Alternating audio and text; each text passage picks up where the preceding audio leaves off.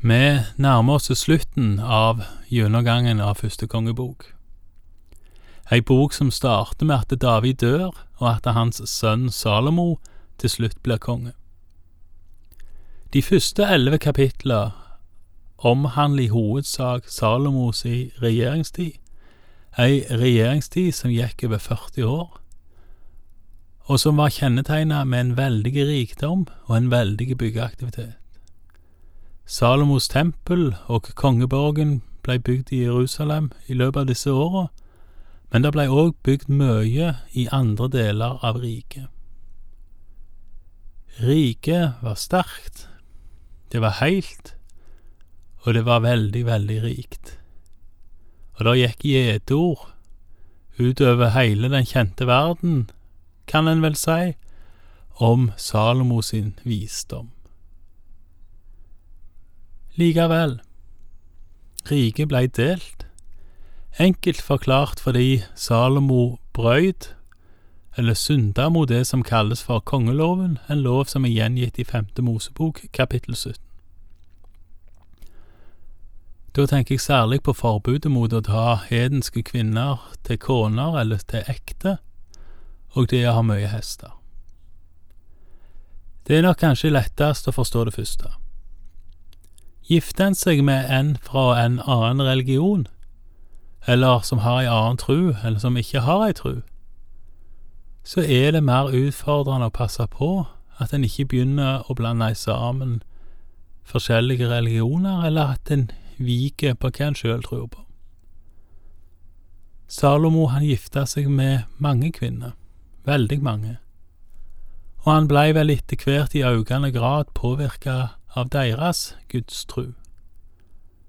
Og han, og han blei påvirka i en sånn grad at avgudsdyrkelsen økte. Salomo brøt derfor et av buda, budet om at du ikke skal andre guder enn meg, eller budet om at du ikke skal andre guder enn Herren Gud. Det med hester, det kan kanskje virke litt rarere, men sånn som jeg forstår det, så handler det òg om forholdet til Gud. Hesten var krigsdyret, og holdt en seg med mange hester, så stolte en kanskje mer på egne krefter eller egne hester i krig enn at en stolte på Gud. Salomo synda sånn, og riket blei derfor delt.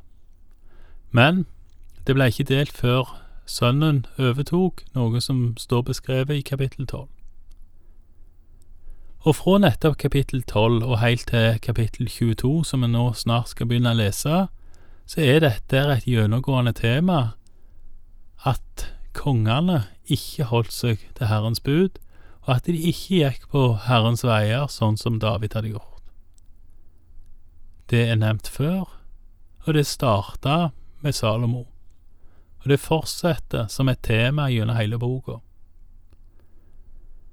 Det framholdes òg som en forklaring på hvorfor riket blei delt, og hvorfor begge disse rikene til slutt går under. Vi har nå kommet til det siste kapitlet i første kongebok. Et kapittel som starter med at det Nordriket og Sørriket midlertidig går sammen mot en felles fiende, arameerne.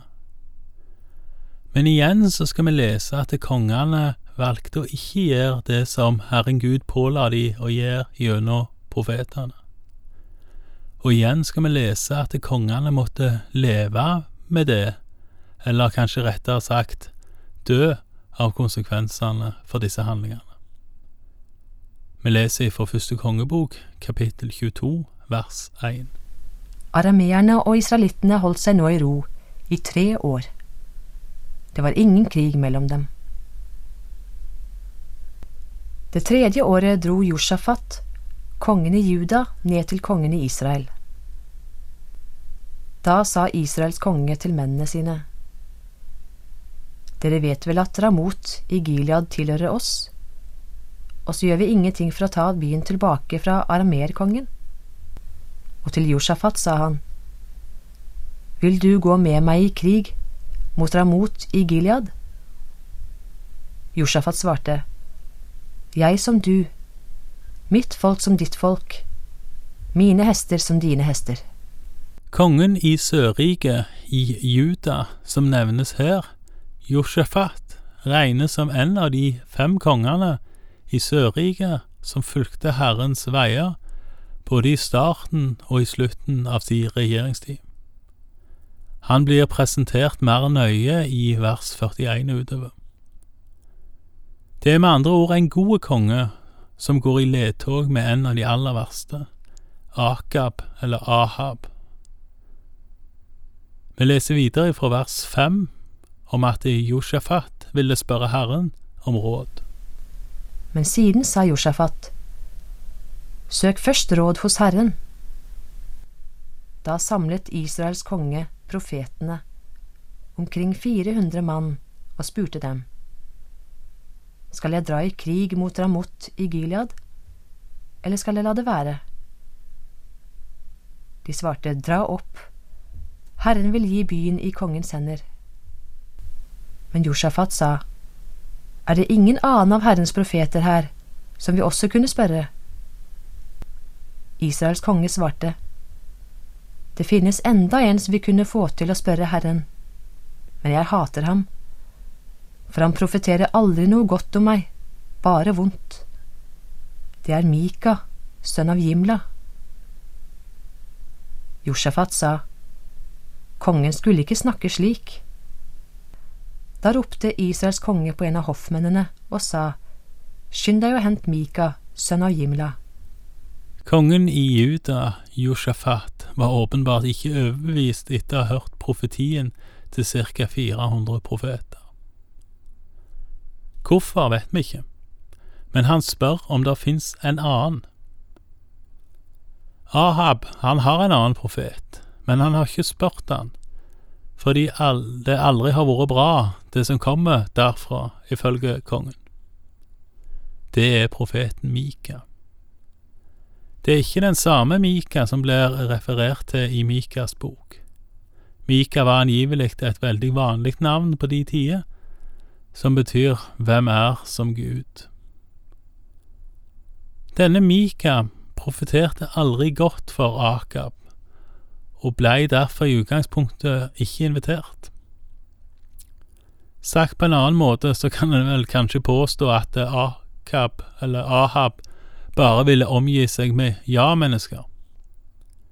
Det kan være fristende nok for noen hver, men det er en mulighet for å bomme grovt på hva som er Guds vilje, hvis en velger å bare høre på de som er enige med seg sjøl. Eller en velger bare å lese de skriftsteder og passasjer som en kan tillempe på egne meninger. Her får Akab hjelp av sin kongekollega i sør, Josjafat, til å utfordre, eller prøve ut, sin oppfatning med spør om det er en som faktisk tør å tale kongen midt imot. Vi leser videre fra vers 10. Kongen i Israel og Josjafat, kongen i Juda, satt i kongelig skrud på hver sin trone, på en treskeplass ved byporten i Samaria og alle profetene sto foran dem og profeterte. Sirkia, sønn av Kenana, laget seg da horn av jern og sa, Så sier Herren, med disse skal du stange arameerne til du får gjort ende på dem. Alle profetene profeterte likedan og sa, Dra opp mot Ramot i Gilad, så skal du ha lykken med deg. Herren vil gi byen i kongens hender. Sendebudet som var gått for å hente Mika, sa til ham, Hør her, de andre profetene profeterer med én munn at det skal gå kongen vel. La nå dine ord være som deres, og spå godt du også.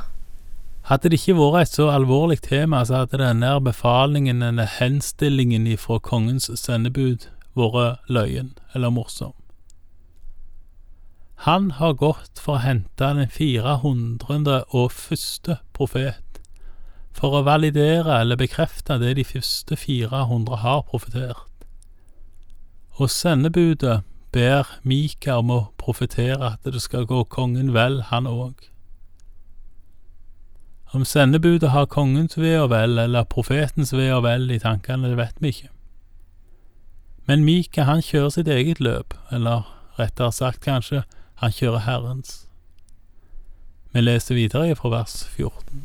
Men Mika svarte, Så sant Herren lever, det Herren sier til meg, det må jeg tale.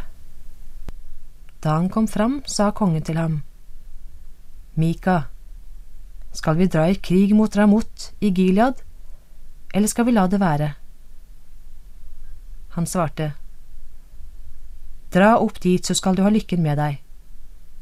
Herren vil gi byen i kongens hender.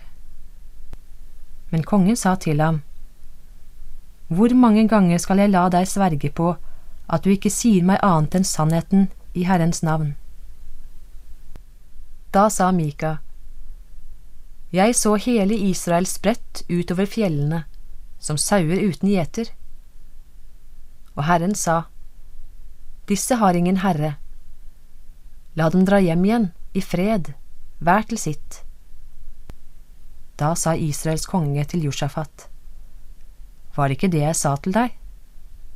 Han profeterer aldri noe godt om meg, bare vondt. Mika sa, Så hør da Herrens ord.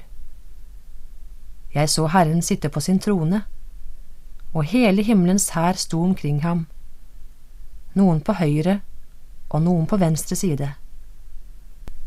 Da spurte Herren, Hvem vil lokke Ahab, så han drar opp mot Ramot i Gilead og faller der? En svarte så, og en annen så. Da gikk en ånd fram, stilte seg foran Herren og sa, Jeg skal lokke ham. Hvordan? spurte Herren. Den svarte, Jeg vil dra av sted og være en løgnens ånd i munnen på alle hans profeter. Da sa Herren, Ja, du skal lokke ham, og det skal også lykkes for deg. Dra av sted og gjør det. Så har da Herren lagt en løgnens ånd i munnen på alle disse profetene dine. Han har varslet ulykke over deg. Det første Mika sier, er vel egentlig en gjentagelse av det de andre har sagt. Men den første skikkelige profetien som han kommer med, er vel egentlig ille nok, med at Israel skal være spredt utover fjellene, som sauer uten gjeter. Når begge rikene gikk unna, så er vel noe av det gått i oppfyllelse. Men den neste, eller den siste profetien som han kommer med etter han blir pressa til å si hva han fikk av Herren, den er verre. Den er verre for kongen, i alle fall. For da påstår Mika at Herren selv har lotet en fallen engel, kanskje djevelen sjøl, villede alle de 400 første profetene. Det kan være verdt å merke seg dette, at det selv om flere, ja flere hundre, profeterer det samme, så trenger det faktisk ikke være riktig. Det kan godt være riktig, for all del, men det trenger ikke være det. Derfor må det som påstås å være ifra Herren prøves. Det må prøves da som nå på Guds ord. Mika, han var som Elia, han var tøff, og han står på sitt. Nå kommer konsekvensene for han, og vi leser videre fra vers 24. Da gikk Sidkia, sønn av Kenana, bort og slo Mika på kinnet og sa, Hvordan er Herrens ånd gått over fra meg for å tale gjennom deg? Mika svarte, Det skal du få se den dagen du flykter fra rom til rom for å gjemme deg. Da sa Israels konge, Ta Mika og før ham bort til byhøvdingen Amon og kongssønnen Joash, og si, Så sier kongen, Sett denne mannen i fengsel. La ham bare få små rasjoner med brød og vann til jeg kommer uskadd hjem igjen. Mika sa, Kommer du uskadd hjem igjen, så har ikke Herren talt gjennom meg. Og han la til, Hør dette, alle folkeslag. Mika havner her i en situasjon der han vel har tapt uansett. Han blir fengsla som et slags gissel for å ivareta kongens ve og vel. Dersom kongen dør, da får jo Mika rett, men da er han i fengsel og kan bli straffa for å være den som bar fram domsordet mot kongen. Dersom kongen kommer tilbake, så profeterte ikke Mika fra Gud, og da har han løket for kongen i Guds navn, og det vil òg sannsynligvis straffes med døden. Hvordan det går med Mika, det får vi så langt jeg har klart å finne ut av, ikke vite. Jeg tror at enten så ble han drepen, eller drept, når budet om kongens død nådde til hans fangevoktere, eller så tror jeg han ble sittende i fengsel. Han kan jo ha blitt løslatt, men det har jeg ikke særlig stor tro på. Det blir uansett spekulasjoner. Det som nok ikke er spekulasjoner, er at eh, Mika tok en stor risiko når han stilte seg foran begge kongene og profeterte den ene kongens død i Herrens navn. Neste gang så skal vi lese at det gikk sånn som Mika sa. Takk for i dag, og Herren være med deg.